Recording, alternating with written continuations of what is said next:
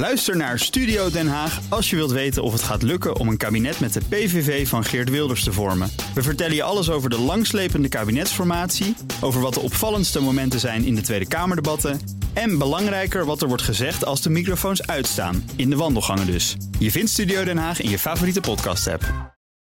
Een hele goede middag, een paar minuutjes na half vijf. Uh, we zijn nog 2,5 uur bij en onze redactie werkt aan een hele hoop verhalen. Uh, voor onze uitzending, vlak voor de uitzending... kwam namelijk het nieuws binnen dat de rechter opnieuw... naar de Formule 1 in Zandvoort gaat kijken. Ja, het onderzoek naar de stikstofuitstoot wordt heropend. Er lopen op dit moment nog drie rechtszaken tegen het circuit... terwijl de race al in het eerste weekend van september is. En de Grand Prix zit ook al in grote onzekerheid door het coronavirus. Nou, we zijn natuurlijk druk bezig om reacties te halen uit die hoek. Dat wordt spannend. Ik heb een hele hoop vrienden met kaarten voor 5 september. En die willen daar heel graag naartoe. Uh, de Duitse staat Neder-Saxe wil uh, coronatesten gaan verplichten... en grenscontroles invoeren. Dat zou zeker gevolgen hebben voor de Nederlanders... die uh, naar Duitsland op vakantie willen. Want Neder-Saxe grenst natuurlijk aan ons land. Ongeveer van Groningen tot en met Arnhem. Dat is Neder-Saxe. om vijf uur praat Duitsland-correspondent Dirk Marseille ons natuurlijk bij. Ja, en jij maakt meteen aantekeningen, want jij moet die kant op. Precies zeker. ook ja, langs die grens. Volgende week maandag Rijk Duitsland in. En ik ga er een nachtje slapen, dus wat dan de consequenties? Je bent niet de enige, denk ik. Goed, en we hadden het net al even over de ruimtereis van de rijkste man Jeff Bezos. Aan boord zat dus ook die Nederlandse Oliver Damen. De jongste ja, astronaut, zo wordt hij toch nog genoemd ooit. I've been dreaming about this all my life. Now I'll become the youngest astronaut ever because I'm 18 years old. Oh, hij spreekt mooi Ruttiaans Engels, hè? Ja, heerlijk. heerlijk. Uh, hij kreeg een tripje cadeau van zijn vader... die daar ongetwijfeld veel geld voor heeft betaald. We weten nog steeds niet exact hoeveel, doet er ook niet toe. Maar wie die vader van zo'n dame dan precies is, daar waren we wel benieuwd naar. Want ja, hij kon dus wel aardig wat neerleggen voor zo'n ruimtereisje van 11 minuten. We spreken we om kwart voor zes met een journalist van Quote. Dat zo? Nu eerst. De Tour de France is net afgelopen en dit jaar was Swapfiets voor het eerst van de partij... als sponsor van Team Jumbo-Visma. De twee partijen hopen zo de komende drie jaar zoveel mogelijk mensen op de fiets te krijgen. Nou, bij ons is uh, Mark de Vries, de CEO van Swapfiets. Uh, goedemiddag. Goedemiddag. Allemaal nog maar eens even luisteren. Maar nu komt Van Aert. Van Aert met heel veel power hoor. Van Aert die rechtdoor gaat sprinten. Maar gaat hij ook winnen hier op de Champs-Élysées? Of wordt het een andere Belg? Wordt het Philips of wordt het Van Aert? Het wordt Van Aert. Het wordt Van Aert. Zeg jongen, jongen, jongen. Wat gebeurt het is hier? ongelooflijk. Van Aert wint de tijdrit de dag daarvoor. Wint op de Mont Ventoux door daar twee keer als eerste boven te komen. Uh, en wint vervolgens uh, de sprint op de Champs-Élysées. Heb jij gekeken als ondernemer die samen met Jumbo-Visma dit avontuur is gestapt... of als sportliefhebber? Ja, als alles denk ik. En ik krijg nu weer kippenvel als ik het hoor. Ik ben in de basis echt fietsliefhebber. Uh, maar als je een blauwe band op de Champs-Élysées hebt... en de kans hebt om een etappe te winnen, ja, dan ben je En die blauwe band kwam als eerste over de lijn. Ja, ja. waanzinnig. Ja. Uh, dat is natuurlijk ook uh, hoe we het zien. Jullie blauwe band als, als onderdeel van sponsoring van team Jumbo-Visma. Ja. Het ging over zijn hart, want ze zijn geëindigd met, met, met maar vier, vier blauwe banden... want ze hadden nog maar vier renners. En ze begonnen met acht. Maar goed, wel vier etappe-overwinningen.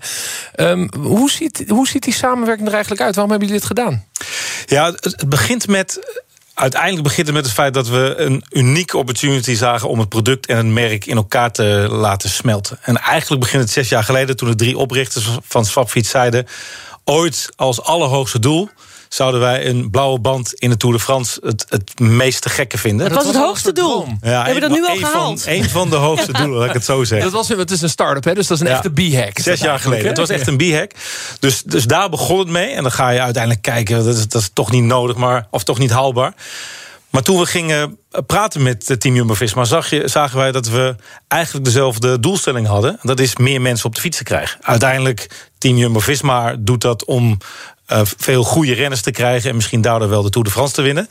Uh, en wij doen dat om uiteindelijk meer leefbare steden te krijgen... en een heel succesvol bedrijf Ja. te krijgen. Maar de doelen waren gelijk. Was het nou echt nodig in Nederland? Meer mensen op de fiets? Volgens mij heeft iedereen een fiets, toch, hier? Ja, maar het, het leuke ook van Swapfiets is wel is dat wij het fietsen. Daarom heten wij ook overal in elk land Swapfiets. En in sommige landen is het best wel lastig om dat uit te leggen. Oh, het, nou de swap bike? Nee, het is nee. de swapfiets. Het is een swapfiets of swapfiets in, uh, in sommige landen.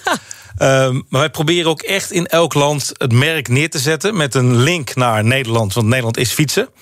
Uh, maar in nieuwe landen zien we dat fietsen helemaal niet zo gewoon is... zoals het hier in Amsterdam bijvoorbeeld. Het was een samenwerking met Vittoria, dat is een Italiaans bandenmerk.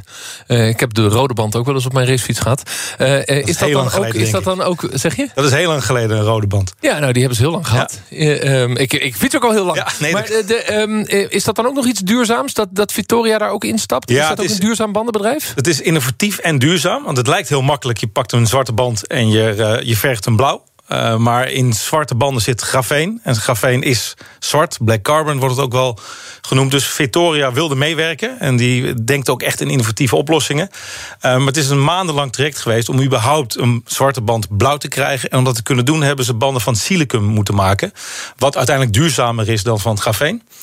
En het wordt uh, nog interessanter, omdat ze uiteindelijk daarmee bezig waren... kwamen wij met Victoria in gesprek. Niet alleen om een blauwe band te maken. Uh, maar wij hebben duurzaamheid uh, heel hoog in ons vaatdoel uh, staan. En we deelden ons doel om in 2025 een 100% circulaire fiets te maken. En banden zijn niet zo circulair. Dus Victoria zei, daar gaan we meedoen. En we zijn nu een eerste, of de eerste klant wereldwijd... om banden te huren in plaats van te kopen. Hoe, hoe doe ik dat dan? Ik heb een fiets met banden en ik huur de banden. Nee, je huurt dus een fiets van Swapfiets. En vanaf uh, over twee weken komen de eerste fietsen uh, op de markt... waarbij wij de banden niet gekocht hebben. Maar die huren wij weer van uh, Victoria. met een Victoria To-Go service. Victoria is dus ook in één keer gemotiveerd om banden te maken... die echt niet meer lek gaan. Want uh, zij betalen ons als een band uh, lek gaat. Dus het klassieke abonnementsmodel... wat je in dit soort uh, ja, circulaire bedrijfsmodellen ziet... waardoor Victoria eigenaar blijft van die band. En gaan jullie dan ook controleren in Italië... of waar ze ze dan ook produceren en weer herproduceren... dat ze ze ook terugnemen ja. en daadwerkelijk circulair weer in de markt zetten? Ja, dus dat is het commitment wat Victoria geeft. Elke band krijgt ook een unieke QR-code erop. Wij kunnen helemaal vanaf de start van de band... tot aan het terugbrengen van, aan Victoria en uiteindelijk het recyclen, kunnen wij volgen wat ermee gebeurt. Waarom denk je dat het zo'n populair product is? Dat, uh, dat huren van elkaar nu? Ja, omdat, en dat zagen we als uh, Swapfiets een jaar of zes geleden al. Uh, wij geven uh, niet alleen een fiets uit aan mensen... maar uiteindelijk een fiets zonder zorgen. Dus op het moment dat je een fiets thuis hebt staan... die het of net niet lekker doet of een lekker band heeft... één druk op de knop of je appt ja. ons en, en hij is weer Maar het is zo fascinerend. Bij een auto kan ik me toch voorstellen... dat je denkt, ja, als ik die nou naar de garage breng... dan kan ik voor onvoorziene hoge kosten komen te staan... Maar ja, dan gaat er een lampje stuk van je fiets. Dan denk je, nou ja, oké, dan verwissel ik die... of ik breng hem naar de fietsenmaker. Dat is allemaal betaalbaar. Dus ik, ik, wat maakt het nou dat mensen denken... ja, dat wil ik, ik, je hebt zo'n goed verhaal gemaakt... dat mensen dachten, ja, ik, ik ga het voor mijn fiets ook doen. Ja, maar ik denk dat het toch is fietsen zonder zorgen. En uiteindelijk zien we steeds meer... doordat wij die fietsen ook gewoon echt bij ons houden en ook uh, echt circulair willen maken, uh, zien we ook dat er echt een movement aan het ontstaan is. We bij mensen ook echt zeggen: wij geloven erin dat uiteindelijk fietsen op zich al duurzaam is. Maar als je echt ook duurzame fietsen nog kunt maken, want de meeste fietsen zijn helemaal niet zo duurzaam, en die van ons dus wel. En dan ben je niet alleen goed bezig voor het milieu, maar ook nog eens met, uh, ja, met je huurfiets. Maar waar zit het dat dan in? Want jullie hebben nu 250.000 fietsen door heel Europa in steden rijden ongeveer? Ja, ongeveer. Ja, dat is ongeveer de getallen. Uh, dan zijn er dus eigenlijk de afgelopen vijf jaar... want zo, zo jong is het bedrijf... 250.000 rijwielen bijgekomen. Ja, dus, dus uh, uh, heb je ook een beeld dat er mensen hun auto hebben verkocht... dat ze zijn gaan fietsen in de stad... of dat mensen hun oude fiets netjes naar de schroot hebben gebracht... zodat het ijzer ook herbruikt wordt. Ik bedoel, of zijn er zoveel fietsen bijgekomen... en die oude staan nog ergens weg te rotten? Ja, nee, het is lastig om dat exact op het, op het exacte aantal te zien... maar we hebben ook in heel veel steden hebben programma's... waarbij je de, je fiets kunt inwisselen bij ons... En wij zorgen ervoor dan dat die op zo goed mogelijke manier wordt gerecycled, uit elkaar gehaald wordt. En je krijgt daar een swapfiets voor terug, die we uiteindelijk zo duurzaam mogelijk willen maken. En wat is de inkoop van, die, van dat goedkoopste abonnementmodel? Dat is geloof ik 7, 8 euro per maand, hè, wat je dan betaalt voor die Opel-fiets? Ja, iets meer. Iets meer. 16,90 euro. 16,90 euro, sorry. Ik denk dat was vroeger goedkoper. was, je zijn goedkoper begonnen. Dus Sinds je CEO bent, is het, is het duurder geworden. uh, um, maar die, dus 16,90 euro. En, en na, na een jaar heb je hem eruit? Jullie inkoopprijs? Uh, nee, nee, nee, nee. Ik denk dat dat nog wel iets, uh, iets langer gaat duren. We maken op zich uh, nog niet zoveel marge op een fiets. Um, dat komt ook omdat we heel veel aan het investeren zijn in nieuwe steden. Ik, ik, stel de vraag, omdat er worden ook fietsen teruggenomen... die dan ja, onderhoud nodig hebben of wat dan ook... en, en die mogelijk ook niet meer allemaal terug op de weg komen. Ik bedoel, zo'n fiets wordt misschien met twee, drie jaar ook afgeschreven. En, en dan? Nee, de, als, het, als het na twee, drie jaar afgeschreven zou zijn... zou en ons model voor een duurzame fiets helemaal kloppen. Dus wat, waar we eigenlijk echt in geloven... en dat zien we de afgelopen zes jaar al... Wij, we hebben de fietsen van het eerste uur hebben wij nog steeds in gebruik. De frames en de wielen rijden nog steeds. De frame zeker. Ja. Sommige wielen niet als, er, eh, of als de banden versleten zijn... of als er een, er, eh, of als onderhoud aan gedaan moet eh, worden. Maar in onze gedachten, en dat zien we in de eerste zes jaar zien we dat ontstaan... is dat we uiteindelijk de levensduur van de fiets heel lang kunnen oprekken... door de onderdelen die kapot gaan te vervangen... en vaak ook nog, of steeds meer, te repareren. Dus dat we niet een onderdeel weggooien... wat vaak bij een fietsenmaker wel gebeurt. Uh, onderdeel weg, nieuw onderdeel en door. Wij repareren va vaak die onderdelen. Een andere keerzijde van dat abonnementsmodel en het in bruik lenen of het huren van spullen is eigenlijk dat mensen minder voorzichtig met hun spullen zijn. Is dat iets wat jullie zien? Dat mensen eigenlijk. Kijk, als je zelf een nieuwe fiets koopt voor 600 euro of voor 800 euro, een hoop geld, dan ben je er misschien wel heel zuinig op. Net zoals mensen die een eigen nieuwe auto kopen, zijn er super zuinig op.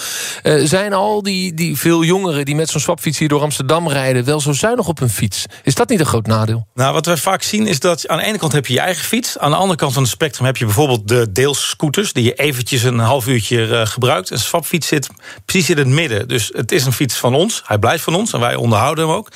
Maar je hebt hem in je eigen beheer en in je eigen bezit. Dus je neemt hem mee naar huis en uh, de volgende dag staat hij er weer uh, voor. Dus wij zien echt dat mensen hem als een eigen fiets of eigen bezit gebruiken.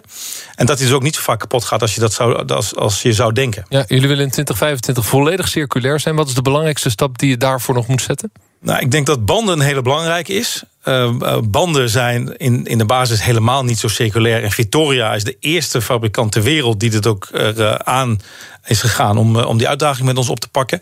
Zadels is nog een belangrijk vervolg, vervolg iets. En voor elektrische fietsen, de motoren en batterijen. Uh, ik denk dat dat wel de drie grootste onderwerpen zijn waar we onze tanden in gaan zetten. Dan zien we de blauwe band terug in de Vuelta de España. Zeker. Want jullie zitten ook in Madrid, hè? Met en dan moeten ze winnen ook echt, hè? Ja.